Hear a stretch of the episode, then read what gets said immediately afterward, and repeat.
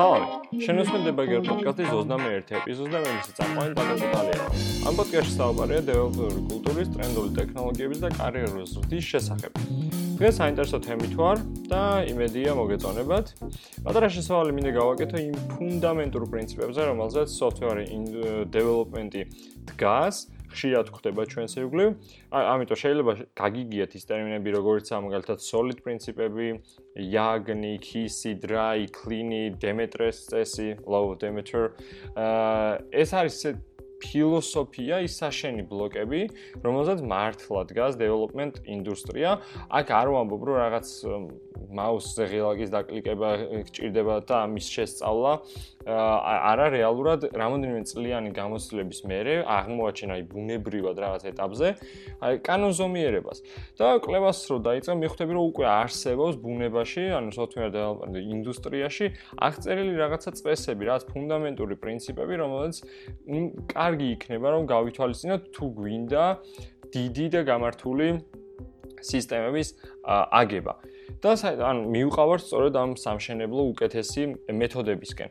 ანუ არ დავიწყებ აქ თითოეული პრინციპის აღწერას და განმარტებას, რა ძალიან შორს წაგვიყვანს და მაგალითებიანად რო ჩამოთვალოთ, ხვალამდე ვერ მომრჩევით. ამიტომ დავლინკავ რამოდენიმე რესურს პოდკასტის აღწერაში და თავად გაიკლიეთ გზა ამ პრინციპებისკენ ფილოსოფიისკენ.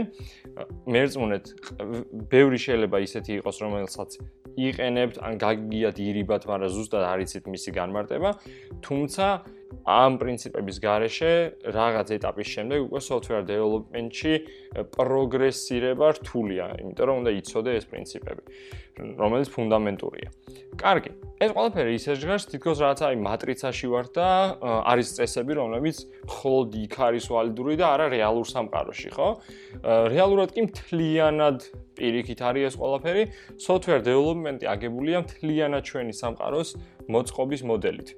მაგალითისთვის ნებისმიერი ობიექტზე ორიენტირებული ენა ცდილობს მიემსგავსოს და აღწეროს ბუნება ჩვენი გარემო იგივენაერად, იგივენაირი მოწყობის ხერხი კონდეს, რაც ჩვენთან მართლა სამყაროში ხდება რა. სახელებით შესაბამისი აქვს, მაგალითად მემკვიდრეობითობა, კომპოზიცია და ასე შემდეგ. ხო და ამ ხელა შესავალი რატო გავაკეთე ახლა? მოდი ცოტა დავაშოროთ ფოკუსი, რაღაც უკან ამოვიტანოთ და გადავანაცვლოთ პირდაპირ ჩვენ ცხოვრებაში. სადაც ხშირად გზნობთ, რომ ხელიდან გვისხლტება რაღაცეები, დრო არ ყოფნის, რომ გავაკეთოთ რაღაც ჩვენთვის სასრუელი, თქვათ, ჰობებს მივდიოთ, რაღაც სერტიფიკატები ავიღოთ, მოგეთ, ასეთი რაღაცეები. ნუ პროკრასტინაციაზე ცალკე მაქვს ეპიზოდი მთლიანად ჩაწერილი და ბლოგის დაწერილი და დავლინკავ მაგასაც და მომავალში კიდევ ბევრი კარგი კონტენტი წამოვა ზოგადად დროის მართვასთან დაკავშირებით. მაგრამ მოდი დავბრუნდეთ ძირითად თემაზე. ასევე ვერ ვახერხებთ ჩვენივე თავს დავაძალოთ რაღაცეები. ან დააკვირდით და ხშირად არის ესეთი რაღაცეები, რომ მაგალითად ნივთსაც კი ძალიან დიდი ხანი უაზროდ ვეძებთ ხოლმე სახში და ვერ პოლთას სადღაც დავდებთ, შემდეგ ვეძებთ ხოლმე და ძალიან გვიჭირს რაღაცეების კონტროლი. ბევრი ლაფსუსებია და ყველაფერი მიდის რაღაც დიდი არეულობისკენ, ენტროპიისკენ მიიწევს. ხო და ზოგჯერ გძნობთ რომ ამ კონტროლს სინამდვილეში საერთოდ არ გვაქვს რაღაც ეს კონტროლის მექანიზმი და პირიქით კონკრეტული პატარა რაღაცეები, პატარა ლაფსუსები, რაღაცა შეცდომები და ცდომილობები გვაკონტროლებენ აქეთ და გვითითებენ როგორ გავატაროთ დღე. ახლა გეტყვით რა ხდება და როგორ შეგვიძლია ამ საკითხს შევხედოთ. აი ხო დამაინტრიგებლად ჟღერს ცოტა. ახლა რასაც ვიტყვი, არის რეალურად უბრალო რამე ძალიან, მაგრამ არა მარტივი. საერთოდ არ არის მარტივი გასაკეთებელი. შეგვიძლია საკუთარ თავში რაღაცეების დაპროგრამება და შეგვიძლია კონკრეტული იმპლემენტაციის ნაცვლად ვიმუშაოთ მაღალი დონის აბსტრაქციებზე. ხო ხო უბრალო რაღაცა არის. სათქმელად ძალიან მარტივი არის და განსახორციელებლად თითქოს არაფერი, აი ყოველდღე ისედაც ეგეთ რაღაცებს ვაკეთებ. მაგრამ არა, არა, ბოლომდე მომისმენთ და მერწმუნეთ, რომ ამას არ აკეთებთ, რომ გააკეთოთ ბევრად უფრო მარტივი იქნება ცხოვრება. მაგალითად, სქემა შეგვიძლია ასე დავიწყოთ. აა, როდესაც სამსახურში ისეთი რაღაც გაკეთება გვიწევს, ან რომელიც არ გვინდა, ან საუბარი მენეჯერთან ისე არ წავა, როგორც გვინდოდა, ან არ გამოვიდა ხო რაღაცა. მაშინ რაღაცა შეგვიძლია პატარა სნეპშოტი გავაკეთოთ გონებაში, პატარა წარწერით, რომ ეს ცუდი გამოცდილება იყო და მეორე და არ უნდა გაკეთდეს ასე და იქვე მივუკომენტაროთ როგორი არის სწორი გზა. აი თითქოს ხო გონია რომ არ მუშაობს, მაგრამ მომავალში იგივე სიტუაციამდე სადღაც ამოტივტივდება გონებაში და შეგვაჩერებს. ას დარეკავს, აი ეს callback-ი მოვა ჩვენთან, რომ აქ უნდა გავჩერდეთ. თუ ნუ ვერ გაჩერდა მეორე ჯერზე, მესამე ჯერ უეჭველი სადღაც გაჩერდება. ერთხელ ამას როდესაც დავარეგისტრირებთ ამ listener-ს, ასე ვთქვათ, ყოველთვის მე აქეთ დაგპინგავს ხოლმე და შეგვიძლია რაღაც ესეთი წესები და პატერნები ჩვენ თავში ჩამოვწეროთ, რომელიც მუშაობს. ანუ ზედმეტი არაფერი შრომა ამას მომავალში არ უნდა რაღაცები twin-ში რო დავაკომიტოთ, წარმოგიდგენთ რაღაც რეპოზიტორი, რომელშიც შეიძლება კომიტი, რეალურად ეს ასე მუშაობს და შეიძლება ჩაიბეჭდოს იქ. ეხლა მაგალითად როცა რამე მოგვეწონება და გვინდა რომ არ დაგვავისდეს პირიქით, ხო შეგვიძლია დავაშაბლონოთ ზუსტად იგივენაირი პრინციპით, რომ ეს იყო რაღაც პოზიტიური პატერნი, რაღაც პოზიტიური გამოცდილება იყო და შეგვიძლია იგივენაირად დავასაწყობოთ.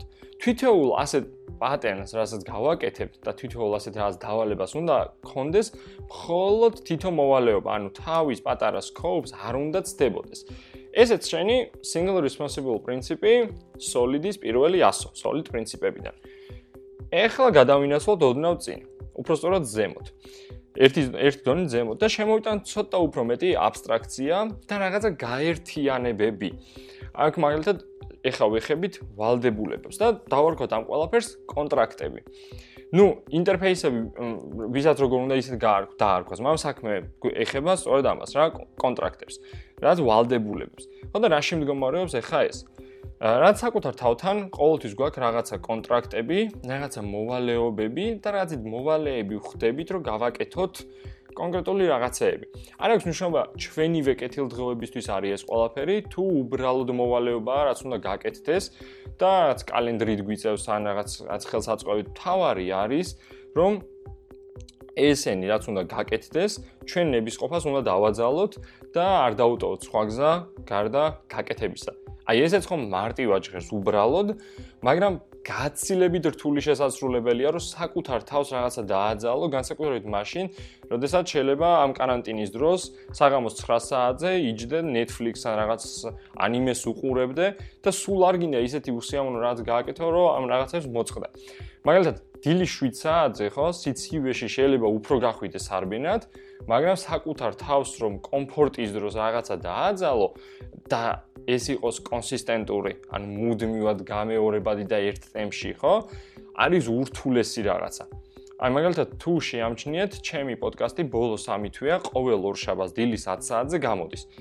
იდეაში გადმოსახედნებს სხვა გადმოსახედნებს შეიძლება ვერც კი შეამჩნიოს ეს ადამიანმა, მაგრამ საკმაოდ დიდ შრომას მოითხოვს მუდმივად თემის დამზადება, მის მოკლედ ამაზე მე ვისაუბრებ კიდე ცალკე, მაგრამ კონსისტენტურობა ადრეც მithქვამს, რომ არის თავარი გასაღები ამ ყველაფრის. ხო და ეს რაღაცა კონტრაქტები არის დამატებითი ეს შუამავალი, რომ რაღაცა ვალდებულებები ავიღოთ ჩვენ თავზე, ოღონ სტრუქტურიზირებული.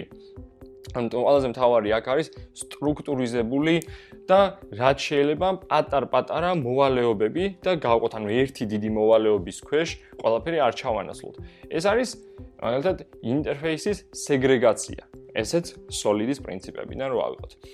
აა კიდევ ერთი ძალიან კარგი პროდუქტიულობის რჩევა მაგალითად შეგვიძლია სხვადასხვა სისტემებიდან განმოვიტანოთ ჩვენ ცხოვრებაში. ანუ ხო იყო რაღაცეები software development-ში ჩვენი ცხოვრების მოდელი გადაიტანა ჭკვიანმა ხალხმა და იქ ციფრულ სამყაროში ეს ყველაფერი ვირტუალურ სამყაროში ააწყო. ეხლა დრო არის რაღაცეები ისე უკან გადმოვიტანთ, რადგან ადამიანებს ძალიან გვიჭირს პროდუქტიულობაში. ხო და იგივე არის მაგალითად დიდი მასიური საქმეების ერთად გაკეთება, batch job-ები, ხო? აი მაგალითად ასეთი რაღაც წარმოვიდგინოთ. არის რაღაც საქმეები, რომელსაც იმ წუთას არ შევასრულებთ, არამედ ცოტათი გვერდზე გადავდებთ, დავგეგმოთ და როცა დრო მოვა, შევაგროვებთ რამოდენიმე ერთნაირს, მერე გავუშვებთ. მაგალითისთვის, მაღაზიაში ხო არ ჩავდივართ ხოლმე ყოველ წამს, როცა რაღაცა გვინდა. ვაგროვებთ ნელა-ნელა, რაღაც სიას წერთ და მე ერთიანად მივდივარ და ვყიდულობთ. იგივენაირად, როცა ვიღაცა ადამიანების გვინდა რომ მივწეროთ ან მოვიკითხოთ ყოველ წამს რომ გაგვახსენდება, ანუ ამისთვის ტელეფონში არ გადავერთოთ, კომპიუტერში არ არ გადავერთოთ, კონტექსტი არ დავკარგოთ. შეგვიძლია ამის დაგროვება, ზუსტად იგივენაერად როგორც ზემოთ აღნიშნე რაღაცეები დავარეგისტროთ Twin-ში, რომ ეს მაგ გასაკეთებელი და დაგვპინგავს მომავალში თვითონ აქეთ და ერთიანად მოვიკითხოთ ეს ხალხი და საბოლოო ჯამში საკმაოდ დიდ დროს ვზოგავთ და ბევრად უფრო პროდუქტიულები ვართ. აი საუბრობ ეფექტურად დროის კონტროლს და ყველაფერზე თუ როგორ ვიყოთ პროდუქტიულები, ოღონდ აბსტრაქტულად. ხო და ეს წინადადება ყველა დავთქვი. კიდევ ერთი დონით მაგლა ავიდეთ, სადაც აბსტრაქციებზეა უკვე ყველაფერი დამოკიდებული, შენ რაღაცა უკვე დაფასებული ხარ, აქ ტიტულიანი ხარ, რადგან ქვედა ორი რთული დონე გაიარე და ძალიან კარგად თან და აქ იცი როგორ დონეზე ხარ? холод რაღაცების აღწერით ხარ დაკავებული აბსტრაქციების და რაღაც რა ბნებიც ერთმანეთისთვის ჭირდებათ კონკრეტულ დავალებებს იმას აწვდი. ანუ შენივე სამუშაოების რაც კონტროლერი ხარ, ოღონდ არ ხარ დაკავებული მუდმივად წვრილ-წვრილი დეტალებით. და თუ დააკვირდებით, ხო, უცებ სიტუაცია აბსოლუტურად შეიცვალა, პოლუსები შეიცვალა. კონკრეტულ იმპლემენტაციებზე ფიქრის ნაცვლად ჩვენ უკვე დაკავებული ვართ აბსტრაქციების ინტერფეისების დაგეგმით. და სწორედ ეს არის inversion of control ISC კონტეინერის პატარა მოდელი. ესეც ერთ-ერთი ძალიან ცნობილი პატერნი არის, შეგიძლიათ დაგუგლოთ და dependency injections ვიყენებთ კონკრეტულ დავალებებს, რომ მივაწოდოთ საჭირო ინფორმაცია. და არ ფიქრობ იმაზე, რომ ტასკები როგორ იმუშავებს ან რა რა იქნება. შენ უბრალოდ ზემოდან შეგიძლია რაღაც სიტუაციის გაკონტროლება და კონკრეტულ დავალებებზე რაღაცეების გადაწოდება. აი ამ დონის ავტომატიზაციას, როდესაც აღწევ, საერთოდ არ ფიქრ, აი მაგალითად, ძალიან კაი მაგალითი, საერთოდ არ ფიქრობ ოთახიდან ოთახში ნავიგაციის დროს, აი ერთ გზაზე შეგიძლია რაც უჯრიდან აიღო, გამოაღო, მეორე უჯრაში გადადო, გზად რაღაცა გაიყოლო იქით ოთახში, რაღაც გზად კიდე დამტენი შეაერთო იქითკენ, იმას რა ქვია, დენც ქვით შტეფცელში. ანუ სახლის ერთ გავლაზე ძალიან ბევრ რუტინულ უაზრო დავალებას იშორებ და ის პატარა მინი დავალებები, რომელიც ერთმანეთზე linked list-ივით იყო ასხმული, თლიანად ერთ პატარა ოპერაციაში შეგვიძლია მოუღო ბოლო. იგივე მოდელი შეგვიძლია მოვარგოთ სამსახურს, ურთიერთობებს, ისეთ ურთიერთობებს და კონტაქტებს, რომელიც რეალურად პირადად არ გვსიამოვნებს, თუმცა რაღაც სამსახურებრივი რაღაც მოვალეობების გამო გვიწევს და მეტი ჩართულობაა ჩვენგან საჭირო. აი, ხო ძალიან უბრალო სათქმელია და მარტივი. შესაძლებლად არის გაცილებით რთული. დიდი შრომა უნდა, თუმცა როგორც დავით გურამაშვილი იტყოდა და კენწეროში გატკბილდება. აი მთელი ეს გამოთავისუფლებული დრო რაც გრჩება და შემდეგ ის დადებითი ემოცია თუ რამდენად ეფექტურად მუშაობ და წარმატებით შეასრულე საქმე გაცილებით მეტს ნიშნავს ვიდრე დილიდან საღამომდე მუდმივად პატარა დავალებებზე დევნა და რაც ამის იმპლემენტაციაზე ფიქრი. აი მე კიდევ ერთ მაგალითი მინდა რომ მოვიყვანო რომ გავამტკიცო ზოგადად რას ნიშნავს რუტინა და კონსისტენტურობა ამ ყველაფერთან ერთად. თავარი ძალა არის ზუსტად რუტინა, კონსისტენტურობა, რითაც შეგვიძლია რომ ფონს გავიდეთ. ანუ მაგალითად კიდე არ უყვარს ბევრს რომ legacy code-ზე იმუშაოს, development-ში მოვიყვანო მაგალითს, მაგრამ ვართ ისეთი ხალხი, ვისაც გამოგვდის ეს და ყოველდღიურად ხედავ თამაში გამოწვევებს და მზადვართ შეუტიოთ. და სწორედ აი ასეთი რაღაცა შენი გამოწვევა უნდა იპოვო და მიაწვე. ხო და სულ აი ეს არის იდეაში რის თქმაც მინდა. თუ უფრო დაგაინტერესებთ ეს თემა, შეგიძლიათ დამიკავშირდეთ, უფრო განვარცოთ დისკუსია, ვისაუბროთ. ღია ვარ ყოველთვის, Twitter-ი, Facebook-ი, mail-ი, ყველა მხრიდან თუ გინდა ჩემეხმიანეთ.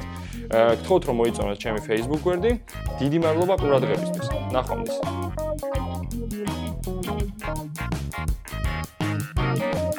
Thank you.